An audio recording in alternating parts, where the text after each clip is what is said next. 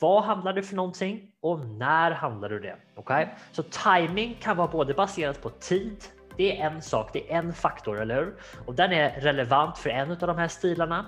Den andra faktorn här när vi pratar om när kan vara marknadsstruktur, marknadsklimat, eller hur? Volym som är i marknaden just nu eller om marknaden är i spel som vi säger ibland. Va?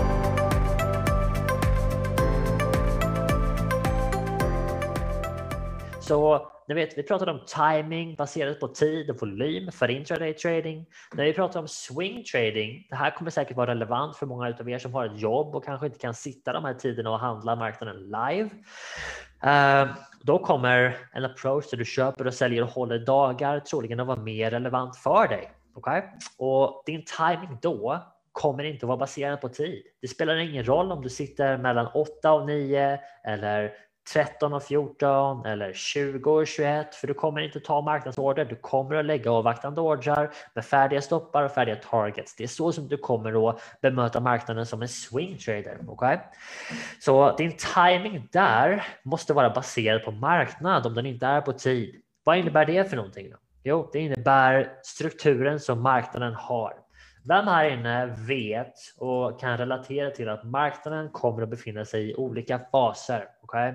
Det fanns en man som heter Wyckoff som är väldigt gammal som visade de olika marknadsfaserna. Vi använder inte det jättemycket i hur vi jobbar, men det illustrerar väldigt visuellt hur marknadens faser går till. Okay?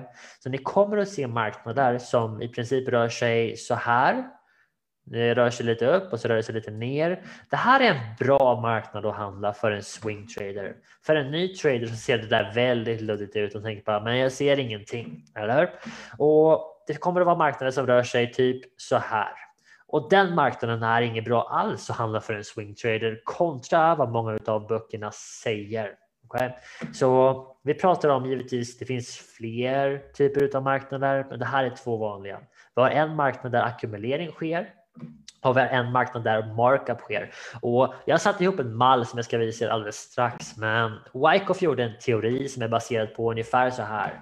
Ni vet, marknaden har ett par olika klimat. Den har ett par olika faser.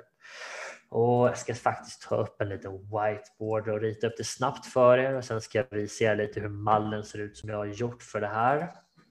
Okej. Okay. Så först och främst, låt oss behandla klimatet som vi vill handla i och som vi kan förstå. All right? Så det såg ut ungefär så här och det här är givetvis en väldigt, väldigt stor förenkling. Vem här inne, förutom ni som har gått våra kurser givetvis, känner till AMDM? Det här är de olika marknadsfaserna som han pratar om. All right? Och det här som ni ser här nere är en ackumuleringsfas. Det är en sån fas där banktraders, stora aktörer ackumulerar positioner. De köper på sig innehav. De köper på sig lager om du vill. Okay? När de är färdiga med det och det inte finns fler som vill sälja till dem på de här prisnivåerna så kommer en prismärkning att ske uppåt. Okay? Så det här är det som kallas för mark up som vi ser här eller en prisjustering upp. Och när priset kommer upp hit, vet, de flesta som lär sig trading är reaktiva. De försöker handla i ett momentum så priset rör sig fort så de kastar sig in i rörelsen. Så när tillräckligt många börjar att köpa in i det här momentumet så kommer priset att börja stagnera och röra sig sidlänges. Och det som händer där då är det som kallas för distribution vilket innebär att de som ackumulerade positioner här nere, de är alltså öppna med sina köpordrar. De måste sälja till någon för att ta sina vinster, eller hur? Så det blir en distribution där de som ackumulerade sina trades här nere säljer till de som köper här uppe. Och jag vet att det låter helt korkat att köpa här uppe när man visar det på det här sättet. Men faktum är att majoriteten av traders handlar på det sättet. Anledningen till att de köper här uppe är för att det är först efter den här starka rörelsen som alla indikatorer ger signaler om köp.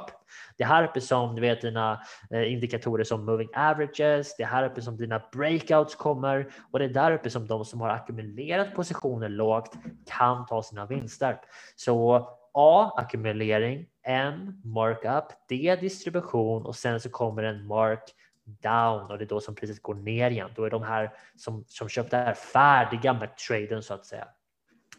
Så det här var bara en snabb, snabb inflik. Väldigt, väldigt basic som ni ser här, men det finns en chans att vissa av er som är med på den här sändningen aldrig har sett det förr och då är det bara, ni vet, bra för er att veta vad det är för någonting. Så du vet, det är hög volym och likviditet när marknaden befinner sig i ackumulering. Det är väldigt, väldigt hög volym där. Okay? Till skillnad från igen vad vi, vad vi pratade om förut, vad många tror. De tror det är, det är mycket volym när priset rör sig upp. No, no, no. Det är hög volym här. Okay? Här är det låg volym. Var någonstans blir det hög volym igen? I distribution. Där blir det hög volym igen. Så det är hög volym i ackumulering och distribution. Det är där som du vill handla. När marknaden befinner sig i rörelsen, så att säga, i markupen som ni såg. Det är då som den är i en sökande fas. Och här kommer en fråga till er, så låt oss se om ni fortfarande är aktiva eller om ni har somnat, ni som är med på den här sändningen. Vad är det marknaden söker efter? Vi har ackumulerat positioner här, en massiv aktör eller flera har ackumulerat stora positioner här. Det sker en markup i marknaden just nu. Vad söker marknaden för någonting? Vad söker marknaden för någonting? Svara med den frågan. Droppa en kommentar så ser vi vilka av er som är med. Det här är igen, det här är väldigt, väldigt basic och är det här avancerat för dig så vet du nu vad du behöver träna på, vad du behöver studera för någonting. Det här är, ni vet, det här är fundamentalt. Det här är sånt du måste kunna först. Steven säger balans, Mats säger balans. Så vad är det som krävs för, för, att, för att hitta balans då? Det är likviditet, precis som, som Sanna säger. Åsa säger balans. Det som krävs för att möta alla de här köparna, för kom ihåg, här nere massvis med köpare. I den här rörelsen så kommer det massvis med köpare, eller hur? Men det finns, kom ihåg, det finns redan en stor mängd säljare i den här marknaden. Alla som köpte här nere de är inte längre köpare, de är säljare. Så det är det vi måste komma ihåg. Så det som marknaden söker egentligen är ett ställe där den här massiva säljpositionen som finns här kan distribuera ut sina säljordrar till andra villiga köpare. Det är vad marknaden söker för någonting. Den söker balans, den söker prisnivåer som folk vill göra transaktioner. Vi kan ta många olika benämningar på det, men det är vad som sker. Okay? När priset bara sticker iväg så här, du kan se candlesticks som ser ut så här. Det som den gör då är att söka efter köpare. Det är det egentligen den gör. Den söker efter köpare så att de som har redan köpt kan sälja till dem. Okay? Det är vad som sker. Så uh, nog om det. Vi ska inte gå för djupt här idag, för då vet jag att många av er som som är lite nya. Eh, ni missar många av de viktiga sakerna och jag vill inte ge för många saker på en gång. Du vet, mästra en sak åt gången, eller hur? Så låg volym.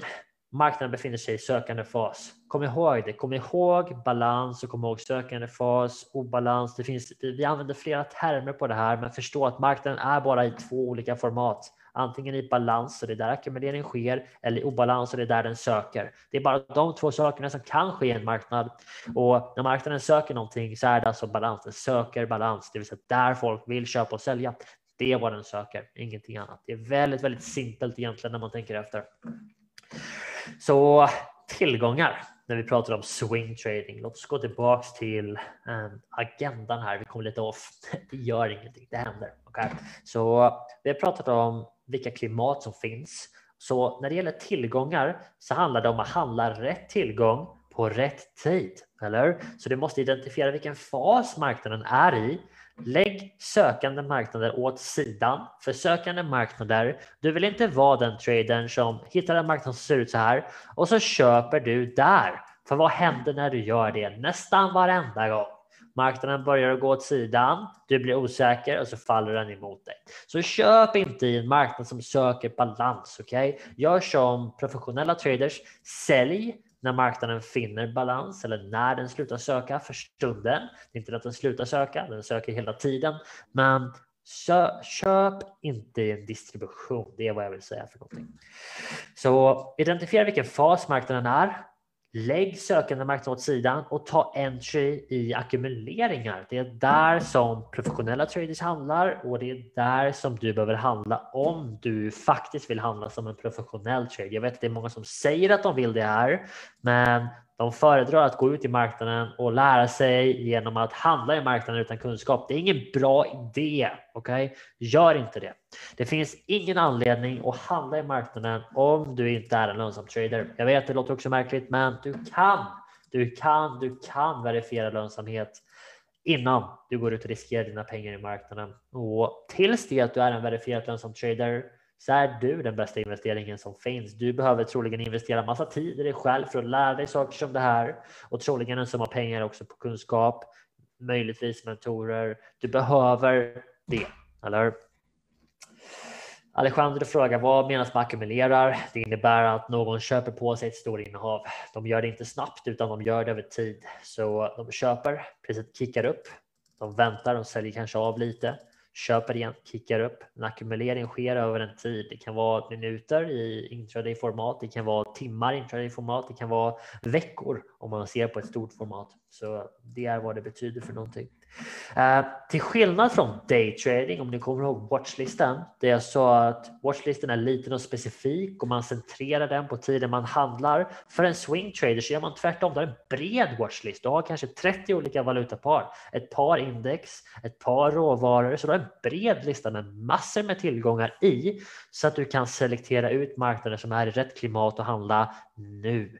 Så det blir egentligen den raka motsatsen, vilket också igen, du vet, daytrading och swingtrading är två saker som är väldigt lika, men två saker som också är väldigt olika, eller hur? Båda är trading, men det är två helt olika saker. Det är som sprint och maraton. En maratonlöpare måste ha väldigt bra kondition och kunna löpa väldigt långt och ganska så högt tempo. En, du vet, en sprinter behöver inte kunna löpa länge alls. De behöver kunna löpa väldigt, väldigt snabbt under en kort tid. Så de kommer att träna på helt olika sätt. Det Bara se kroppsbyggnaden på en sprinter kontra en Eh, en maratonlöpare. Väldigt, väldigt olika, eller Så du behöver ha rätt verktyg i din låda för det som du gör. right? Så hoppas ni tar med er eh, de sakerna där oavsett vem du är. Swing trader, day trader. Det finns inget som är rätt eller fel generellt, men det finns någonting här som är rätt för dig och det är viktigt att du tar reda på vilket det är och fokuserar på det. All right. Så jag har gjort en mall för övrigt. Jag, jag, nämnde det förut och den ser ut så här som ni kan se. Det är en pdf, det är en A4-sida som egentligen summerar upp de sakerna som vi hade på den här livesändningen.